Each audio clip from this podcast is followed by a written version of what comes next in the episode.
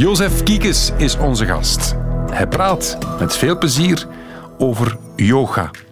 En hij heeft het ergens ook over mijn poep. Verrassend. Weet ik veel.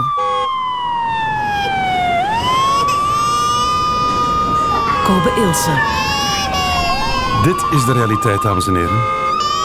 Telefoons, kinderen die huilen, sirenes die luiden, verkeersinformatie, want dit komt trouwens net binnen. Het Vlaams Verkeerscentrum meldt een ongeval op de E19 van Antwerpen naar Brussel ter hoogte van Kontig. De uitvoegstrook naar de afrit is er versperd, dus mensen staan weer in de file, zijn zich aan het opnaaien. De maatschappij draait zot. Af en toe moeten we het dus even stilmaken.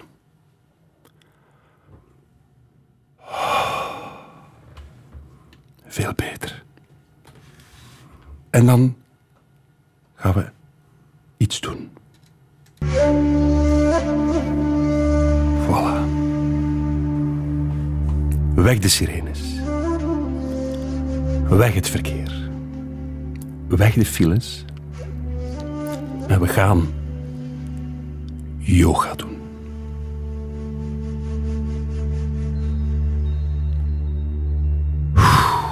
Beter. Vandaag weet ik veel. Yoga voor beginners. Met een man die op dit moment 82 jaar oud is. Jozef Kiekes, goedemiddag. Het is Jeff, Chef, ja. niet Jozef. Of mag ik kiezen? De Jozef geboren, Jeff genoemd. Jeff voor de maskes. Ja. Voilà. Hoe lang doet u al yoga? Vanaf eh, 59. Dat is, Dat is precies 58 jaar bijna. U kent dus alles Ja. over het fenomeen yoga. Ja. Dan bent u de perfecte gast om straks uit te leggen wat het precies is en wat er allemaal bij hoort. Want ik ben een absolute dummy. dat heb ik gehoord, ja. Goed zo. Jeff, Jozef Kiekes, welkom. Yoga leuk, want dan zit je veel ontspannender bij school. Als je dan bijvoorbeeld een toets hebt gehad en je doet daarna yoga, dan zit je helemaal, ja, terug rustig. Weet ik veel. En dan moet je niet meer aan die toets of dagdenken. Ja, ja, ook kinderen doen het. Iedereen doet het tegenwoordig. Het is bijzonder hip, yoga. Bij ons in de studio Jeff Kiekes, een man van 82 die al... Hoe lang was het, Jozef? Jeff? 58 jaar. 58 jaar. Van in oktober 1959. Dat is zeer precies in de geschiedenis. En je bent ooit geïnterviewd op de Vlaamse televisie. Door, nee, we zijn in Echo geweest met een Swami Satchidananda. Ja. En dat was, eh, in die tijd gaf Michel Botu turnen. Ja. En dat was een, eh, eh, een beetje komisch programma. En de Swami deed zijn demonstratie, steek je rechterteen in je linkeroor en zo. We gaan eens luisteren. We hebben het teruggevonden. ja, want het ja. is heel leuk. Ook wij zijn te Aalst op de mat gaan liggen. Samen met 150 andere Aalsterse yogafans hebben wij ons een leden gehouden met bodybuilding, die 5000 jaar voor Christus is ontstaan en dus zo oud is als de straat. Weet ik veel. Toen onze rechtervoorteen in onze linkerneusholte zat en ons linkerbovenbeen uit onze rechterschouder stak en wij vergeefs naar onze navel zochten, heeft men het nummer 900 gebeld om ons uit de knoop te halen.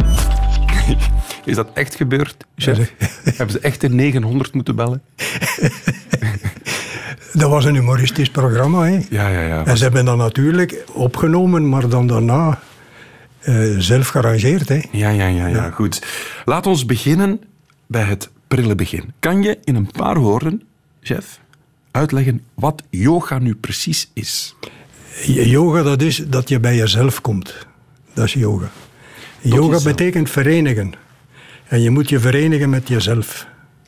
Mhm. Als je diep en droomloos slaapt, bent zo gelukkig. Maar je komt uit je slaap en onmiddellijk vergeet je dat. En die staat vasthouden, dat is yoga. En daarvoor moet je alleen de stress doorbreken. Mhm. En je geest aan banden leggen. Dat is een klein beetje dezelfde definitie als mediteren. Dat is het. Meditatie, dat is het.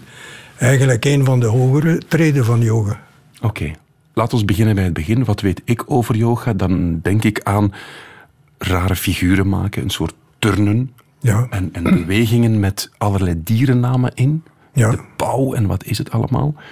Is dat de basis? Of is dat al voor gevorderden, al die turnoefeningen en die lenigheidsoefeningen? Nee, dat is al voor beginners en gevorderden, maar dat zijn houdingen die geleidelijk aan moeten worden opgebouwd. Ja. Want je zet spieren aan het werk die dat niet gewend zijn.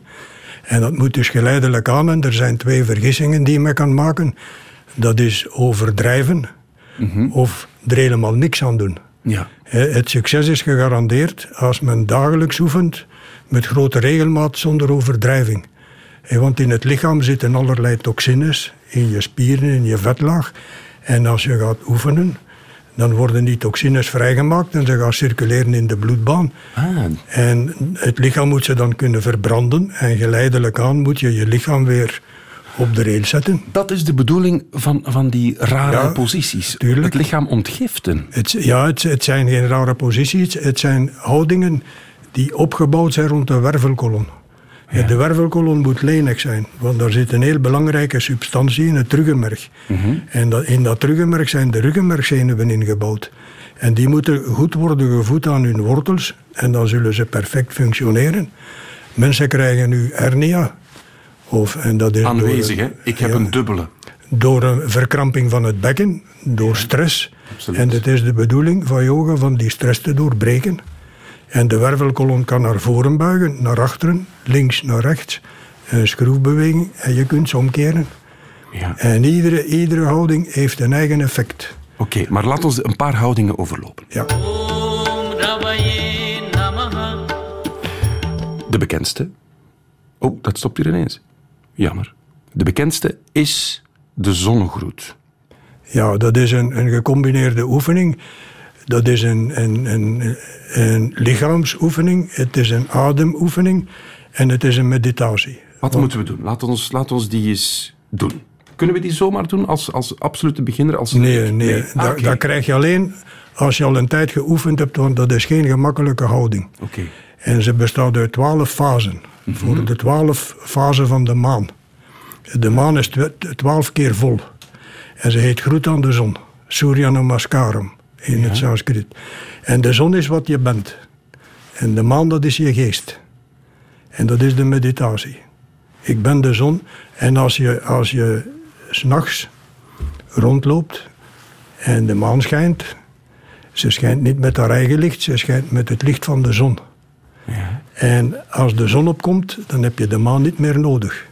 Zo ook als je, je, je geest, dat is als de maan. De, de- je geest en je lichaam, dat is als de maan. En in de duisternis van het zintuigelijk heelal, dan is het je geest die je de weg toont. Maar als het licht van bewustzijn begint te schitteren, als je in diepe meditatie bent, dan heb je je geest niet meer nodig. Dat is de bedoeling. Wat een wijs man ben jij. Dat is heel de, heel de filosofie in een notendop. En die zonnegroet, hoe, hoe, hoe start die houding? Dat begint met een, wat men noemt namaskar.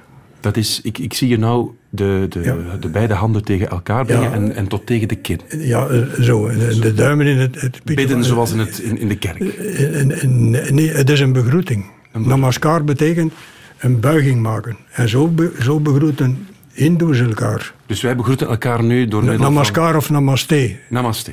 Of namaskar, een, een buiging maken. Namaste, gebogen zijn voor jou. Oké. En dat is het. Eh, In, in het Westen geeft men elkaar een hand en dat is een uiting van angst. Want dat deden ze vroeger om te zien dat je geen, geen mes of geen dolk in je hand had. Maar dit is een. De God in mij begroet de God in jou. Dat is de bedoeling. Het bewustzijn in mij begroet het bewustzijn in jou. En dat wordt twaalf keer herhaald. Dat is geen gemakkelijke houding. En er zijn mensen die dat 12 maal 12, dat is 144 keer. En dat is een oefening op zich. Dat heb ik in India ooit eens zien doen door de militairen. In battledress met botten aan. En, dat, is, en, en, en, en dat, dat maakt ook het lichaam perfect in, in een goede staat. Maar het is dan toch meer dan die handen tegen elkaar houden Ja, en buigen. het is groet aan de zon, dus het is een begroeting. Ja. En je buigt voorover en dan ga je achterover en dan ga je voorover en één been achteruit, ander been achteruit. Op het ritme van de adem en dat moet vloeien. En dan krijg je aangeleerd, geleidelijk aan, langzaamaan, Mhm. langzaamaan, tot je het kunt uitvoeren.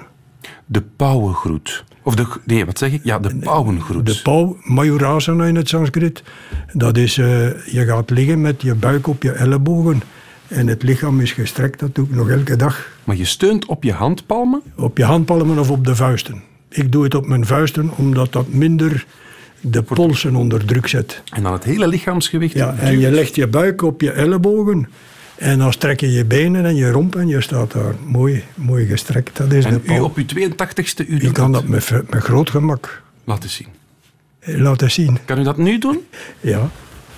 Jozef gaat nu, dus, dames en heren, het is een man van 82 jaar oud. Hij doet zijn jas uit.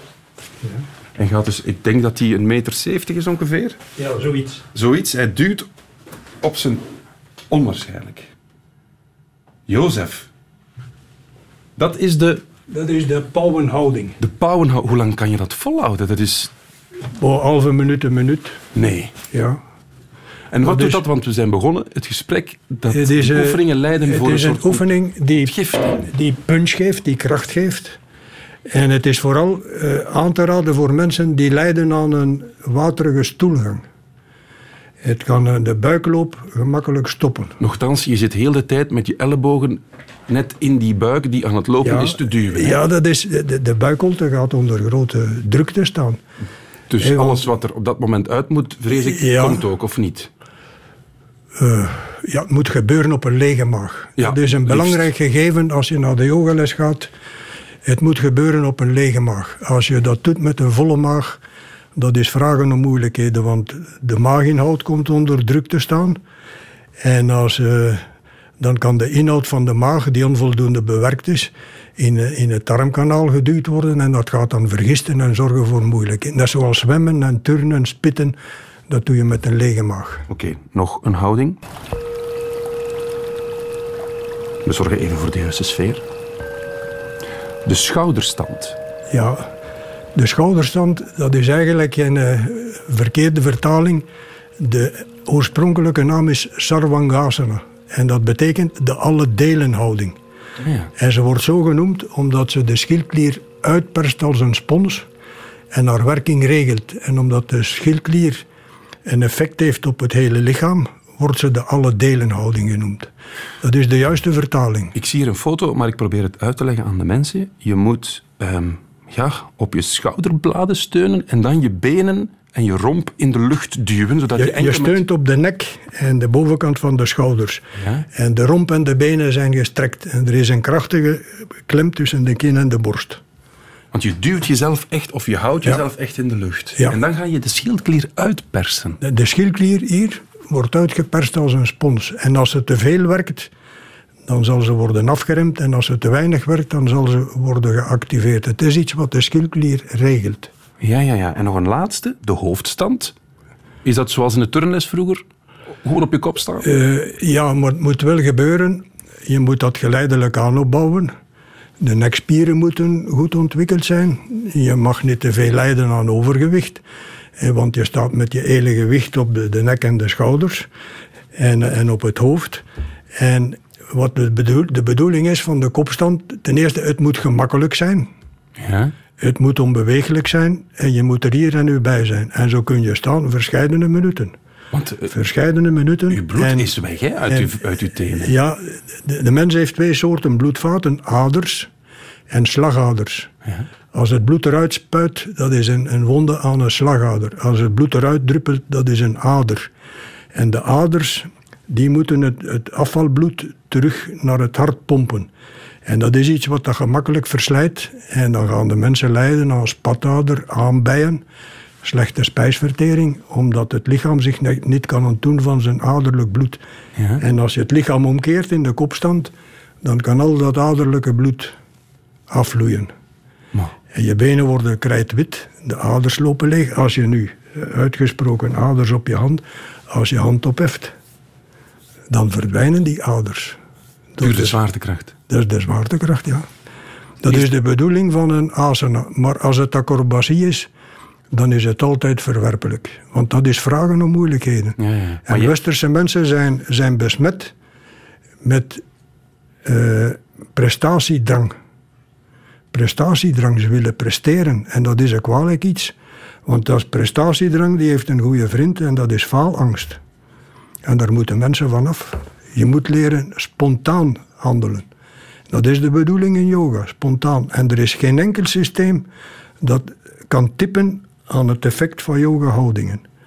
Maar Is- elke houding heeft een specifiek... Als je de voorwaartse buiging doet, je energie begint te stromen in de rugzijde van het lichaam. Als je achterwaartse buigingen doet, dan activeert alles wat het lichaam reinigt. De nieren, de lever, je gaat ervan zweten, de poriën gaan open. En iedere houding heeft een specifiek effect. Als je de schroefbeweging doet, eh, dan worden eventuele afwijkingen aan de wervelkolom weggewerkt. Ja. Zijn we er nu? Is dit yoga? Hebben we het gehad? Is het uur voorbij? Dat is een deel van yoga. Die oefeningen. Ja, want de, de yogis in India, de meerderheid beoefent geen asanas. Ze zitten alleen in een goede Asanas, stevige asanas zijn die oefeningen. Asanas zijn die oefeningen. En in, in India, yogis doen die oefeningen niet. Meestal Want niet. voor ons in België, die oefeningen zijn yoga. punt. Ja, meestal niet. Er is nog veel meer, Jozef. De bedoeling van yoga, dat is van je lichaam een niet-lichaam te maken. Dat is de bedoeling. Daar moet ik even over nadenken. Weet ik veel.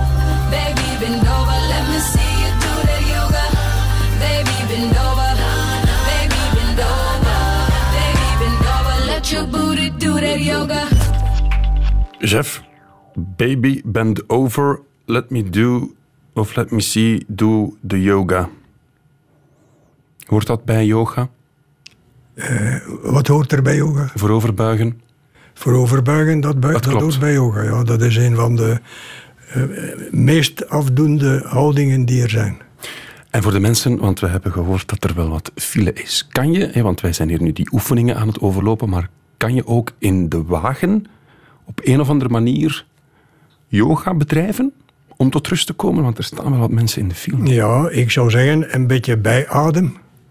En je ademt in door de neus. Wacht, mag, ik- mag ik er een, een, een muziekje bij, bij geven? Of is dat niet nodig? Dat is niet nodig. Niet nodig. Niet Nochtans, nodig. ik heb hier iets gehoord. Oh, of niet? niet. Nee, nee. Oké, nee. ah, ja, eh, eh, je ademt in door de neus en je ademt uit met de luidgezoem. Mm. wacht, we gaan het samen doen. Dus mensen in de file. Oké. Wat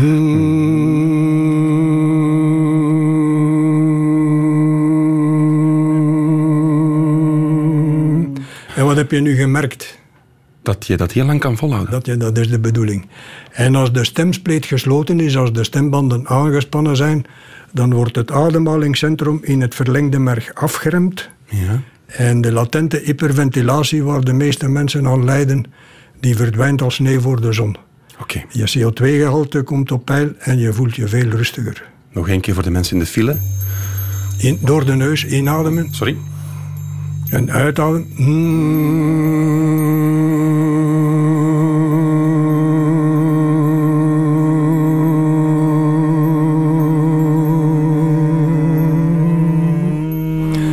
En dat- dat heet bijadem, ademen als een bij. En er is iets wat zeer ontspannend werkt. Ik merk het. Ik ben En het is ook iets wat ze zouden moeten leren aan omroepers op tv. Want de meesten kunnen niet ademen. Oei. Ze ademen met een geluid en dikwijls werkt dat heel storend in de, in de microfoon. Ik voel me aangesproken. Eh, eh, zangers zoals Koen Wouters die doen dat niet omdat die kunnen ademen. Ah ja. En ik denk dat al iedereen die te maken heeft met omroepwerk zou moeten een cursus ademhalingsoefeningen leren, want dat is uiterst belangrijk. Absoluut. Hoe langzamer je ademt, hoe langer beter. je leeft. Amai. hoe langer je leeft. Als het ritme naar beneden gaat en de stress wordt doorbroken, dan kom je in een veel betere staat van welzijn terecht. Oké. Chef Kiekes. Je bent al meer dan 50 jaar bezig met yoga. 58 jaar. 58 jaar. Hoe is het in der tijd begonnen? Wie heeft jou de yoga-microbe bezorgd? Dit is een, eh, een artikel in de Vooruit in der tijd. Dat deed in der tijd eh, het orgaan van de Socialistische Partij. Drie zaterdagen aan elkaar verscheen er een artikel over het weldoende effect van yoga-houdingen. Oké. En ik leed aan een chronische darmontsteking en mijn vrouw had die bon uitgeknipt, opgestuurd. En na een maand viel dat cursusje in de bus. En ik ben daar beginnen mee oefenen. En binnen drie maanden tijd was mijn chronische darmontsteking genezen. Door yoga te doen. Door yoga, vooral door de voorwaartse buiging. Ah ja, door die oefeningen. Ja, door de oefening. Die asanas, zo En dat. na een jaar of twee stopte die cursus. En ik heb gehoord achteraf dat de auteur, zijn naam was zelfs niet ver- eh, vermeld, gestorven is in een auto-ongeluk. auto-ongeluk. Ja. En dan zijn we op zoek gegaan En dan was er een boek, Rama Polderman, geschreven door een Nederlandse arts, Rama Polderman. En de titel was Yoga. En daarmee hebben we, mijn broer en ik, in een tijd bezig geweest. En in de literatuurlijst stond er Swami Shivananda India. Wat, De- dat, dat zeg je Swami. Shivananda India. Ja? En dan hebben we een brief geschreven met niet meer adresgegevens dan dat. En binnen 14 dagen hadden we een antwoord Van India. van India. En dan zijn we, eh, hebben we ons aangesloten bij een vereniging. En die heette de Divine Life Society, gesticht in 1936 door Swami Shivananda. En daar ben ik 50 keer geweest. Ik heb twee keer heel India rondgereisd. En die meneer Sivan... Shivananda, ja. Ja, sorry hoor. En Swami, dat is een Hindoe-monnik. Dat is een hindoe. Hindoe-monniken, ja. En, en dat is uw guru geworden. Dat is uw was leermeester mijn guru geworden. geworden, ja. Wat heeft hij jou vooral geleerd? Wat hij mij geleerd heeft, eh, hoe dat ik mezelf moest vinden, dat heeft hij mij geleerd. Een andere filosofie. En hoe, hoe, hoe begin je daaraan? Een andere filosofie, want eh, Einstein die zei, de, de, de wereld is als een schip, maar het heeft geen kompas. Onze beschaving, de westerse beschaving is als een schip met alle comfort, maar het heeft geen kompas. Het is stuurloos. En dat zie je gebeuren. En de Swami zei, als je me nu een cheque geeft en er staan alleen nullen op, vier nullen, en ik ga met die cheque naar de bank, wat krijg je voor die cheque als er alleen nullen op staan? Niks. Niks. Hij zei, zo is het het leven van de westerse mens. Al zijn verworvenheden, zijn wetenschap, zijn religie, zijn cultuur, het zijn als grote nullen waardeloos omdat er geen cijfer voor staat. En wat is het cijfer? Dat is zelfkennis. En in 1966 gingen we op bezoek bij twee mensen met een universitair diploma en een dik betaalde baan. En ze hadden hem uitgenodigd om hun nieuw huis te bezoeken. En hij bezichtigde dat huis en hij drukte zijn appreciatie uit. En dan zei hij, may I enter the shrine room? Mag ik de meditatiekamer bezoeken? Dat hebben we niet. Zei, mag ik nu eens eerlijk zeggen waarom je geen meditatiekamer hebt? Maar je moet me beloven van niet kwaad te worden. En ze beloofden dat hij zei, omdat je geen cultuur hebt. En dat is wat ik van de Swami geleerd heb. En dat is Socrates. Socrates in Athene. Eh, Het orakel in Delhi zei, Socrates is de meest wijze man van Athene. Hij was daar zelf verbaasd over. Waarom zegt ze dat? En hij bezocht zijn collega's. Eh, en hij, hij komt tot de conclusie, ze hebben zelfs nog niet stilgestaan bij de zin van hun leven. En ze waren zo verbolgen over wat hij en verweten gebrek aan zelfkennis en, en, en, ijdel, en, en, en bezit van grote ijdelheid, dat ze hem voor de rechter gesleept hebben. Met een jury met twaalf gezworen, zoals nu nog altijd. En eh, waarom noemt ze me de meest wijze man van Athene? Wellicht omdat ik weet, o mens, ken u zelf, dat is het belangrijkste. En door hem te dood te veroordelen, hebben ze zichzelf veroordeeld tot de ondergang. En dat is wat ik van de Swami geleerd heb. De Indiase beschaving is een beschaving van bewustzijn. Alles is bewustzijn. Heb je En daar... dat is wat mensen, als de, een professor die ontkent, als we dood zijn, blijft er niets van ons over. Die ligt de basis voor alle moderne kwalen. Want wat zijn de moderne kwalen? Een gebrek aan liefde voor zichzelf. Waarom gaan mensen roken en drinken en drugs nemen? Dat is een uiting van zelfvernietiging. En dat is omdat ze zichzelf niet graag zien. En dat heb ik van de Swami geleerd. Leer jezelf graag zien en dan kun je iedereen graag zien. Maar hoe kan je jezelf graag zien als je jezelf in van die acrobatische houdingen moet wringen? Dat is dat, eh, je moet dat niet. Het mogen geen acrobatische houding zijn. Het moet altijd gemakkelijk zijn. En zoals ik zei, het moet de bedoeling hebben van, eh, van je lichaam een niet-lichaam te maken. Dat je gewoon kunt gaan zitten en mediteren zonder dat het lichaam je hindert. Dat is de bedoeling. Want heb jij in India op, op al die reizen dat je gedaan hebt, heb je daar veel zonnegroeten moeten doen? Of, want je zei aan het begin van de uitzending, yoga is veel meer dan enkel die zonnegroet en die pauwgroet. En wat is het ja, er zit een hele filosofie achter. Ja. Dat is belangrijk. En er kwam een dame in de les, na de les, en ze wilde me spreken. En ze zei, meneer, ik heb alles wat mijn hartje lust. Ik heb een goede man, we hebben een mooi huis, twee auto's in de garage. En soms begin ik te wenen. Ik weet niet waarom, ik kan dat niet stoppen. Dat is de depressie die loert achter de hoek. En van waar komt die depressie? Je leven is zinloos. Zo simpel als wat. Het is totaal zinloos. En wat moet ik daaraan doen, meneer? Je moet je leven zin geven, je moet leren mediteren. Je moet de weg naar binnen gaan. En dat is waar mensen naar verlangen. En zelfs, het heeft zelfs in de universiteiten gekomen. Het is, eh, hoe heet dat? Tegenwoordig die moderne vorm eh, mindfulness. Ze weten niet waarom het werkt. Het werkt, maar ze weten niet waarom het werkt, die professoren. Het werkt omdat het je dicht bij jezelf brengt. En dat is het grote geheim. Als, als je uit je hoofd komt en je, je wordt bewust hiervan, je voelt je onmiddellijk veel beter. Je voelt je onmiddellijk veel beter. Maar het mag geen acrobatie zijn. Elke yoga-houding moet gemakkelijk zijn. En een, baby kan het doen. En een oude man kan het doen. Iemand van 82. En iemand van 82 kan het doen.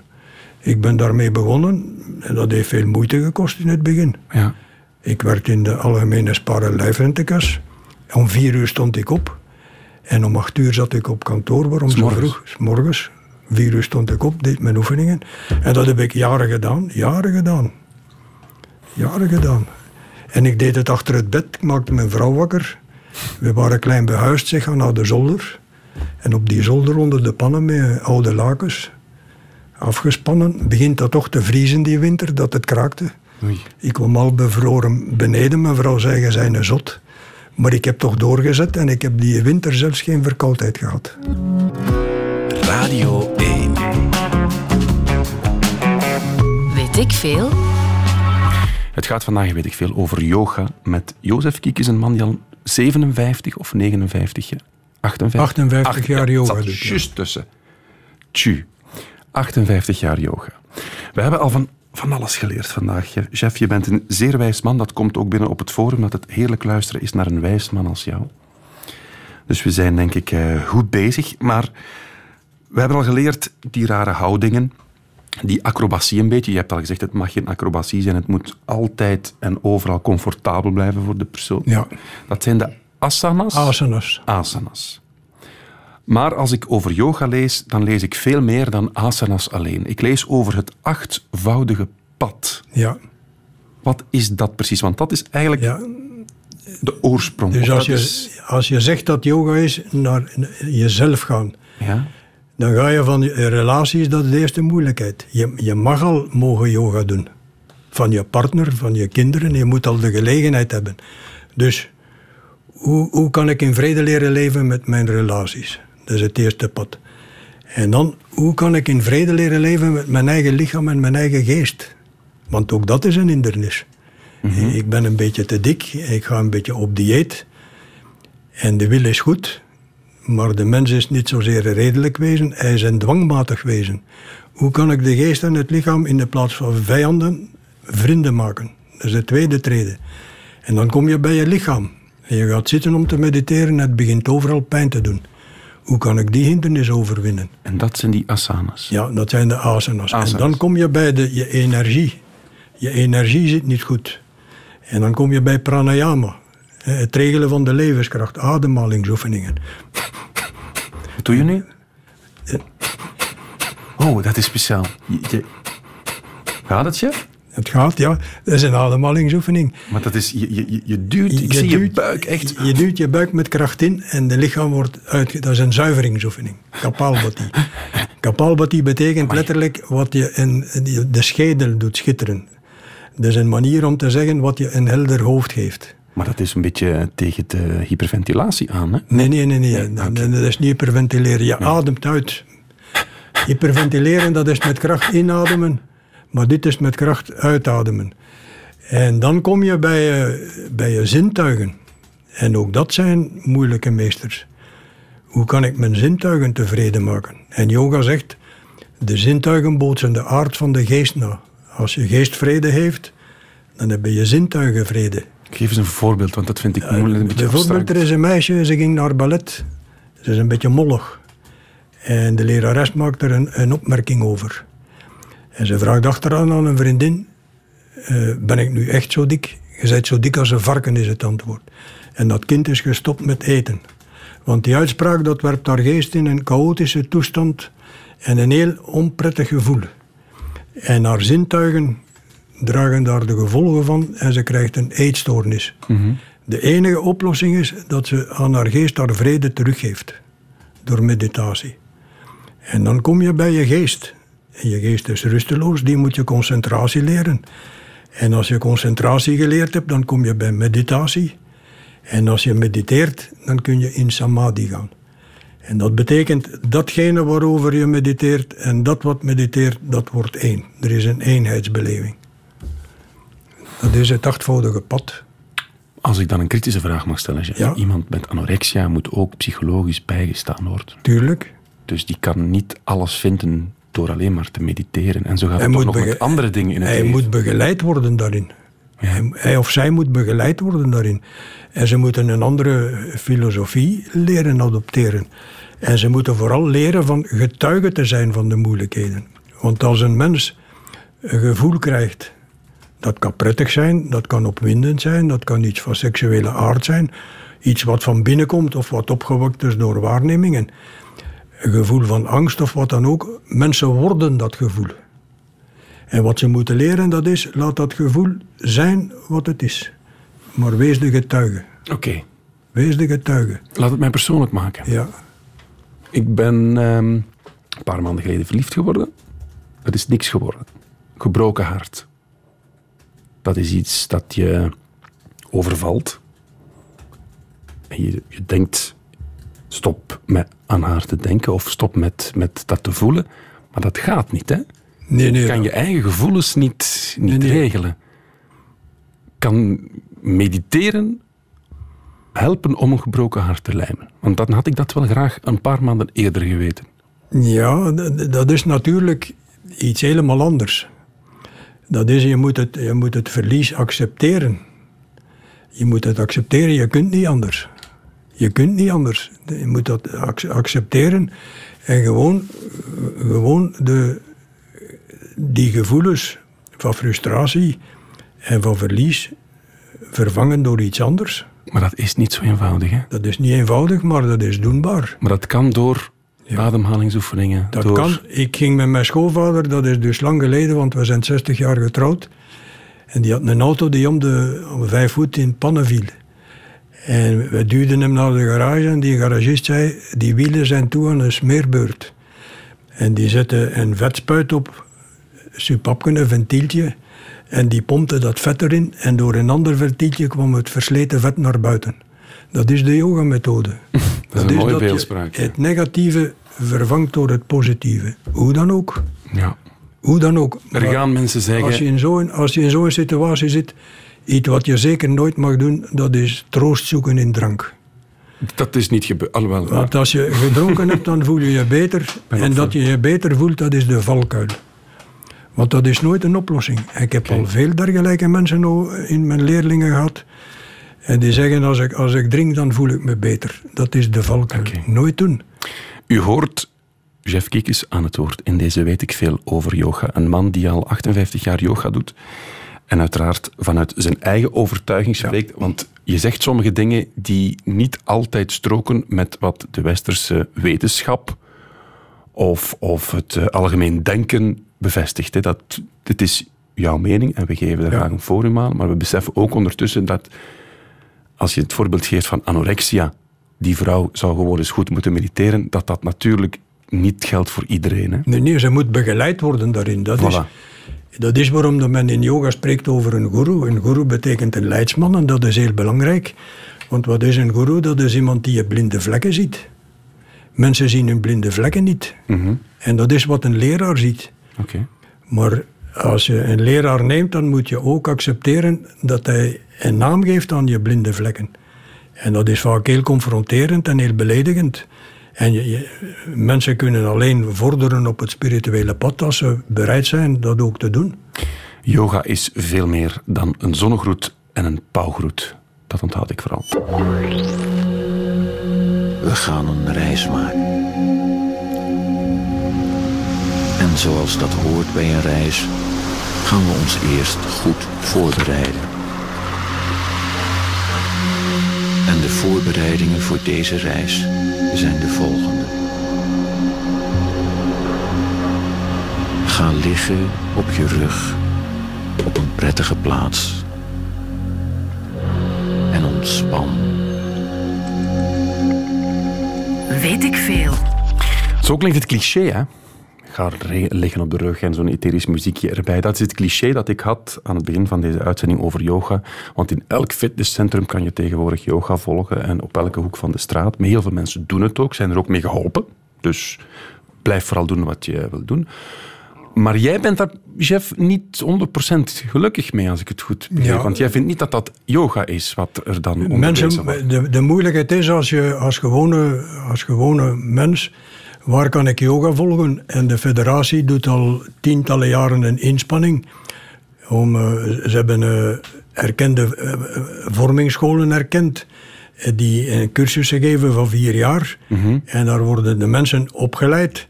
En als ze iemand uit die lijsten kiezen, dan zijn ze zeker dat ze het te maken hebben met een yogaleraar die een degelijke opleiding heeft gehad. Want er is een yoga-federatie. in Er is een yoga-federatie, ja. En dus een yogaleraar die yoga, echte yoga wil onderwijzen of, of, Ja. of geven, die moet bij jullie aangesloten Ja, die moet, bij, die moet aangesloten zijn bij de federatie. En die moet een, een, eh, een diploma hebben van een erkende vormingsschool. En dat zijn eh, cursussen die vier jaar duren. 500, 500 uren. Amai. Dus niet iedereen kan, kan zomaar yogales geven, of echte yoga. Nee, nee, dat moet, want dat is... Er is iemand die bij de kinesist gaat, er is niemand die het in zijn hoofd zal halen. Ik ga ook kinesiotherapie doen. Tuurlijk.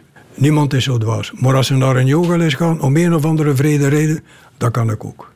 En dan beginnen ze ermee en dan doen ze ongelukken. En dan krijgt yoga de schuld.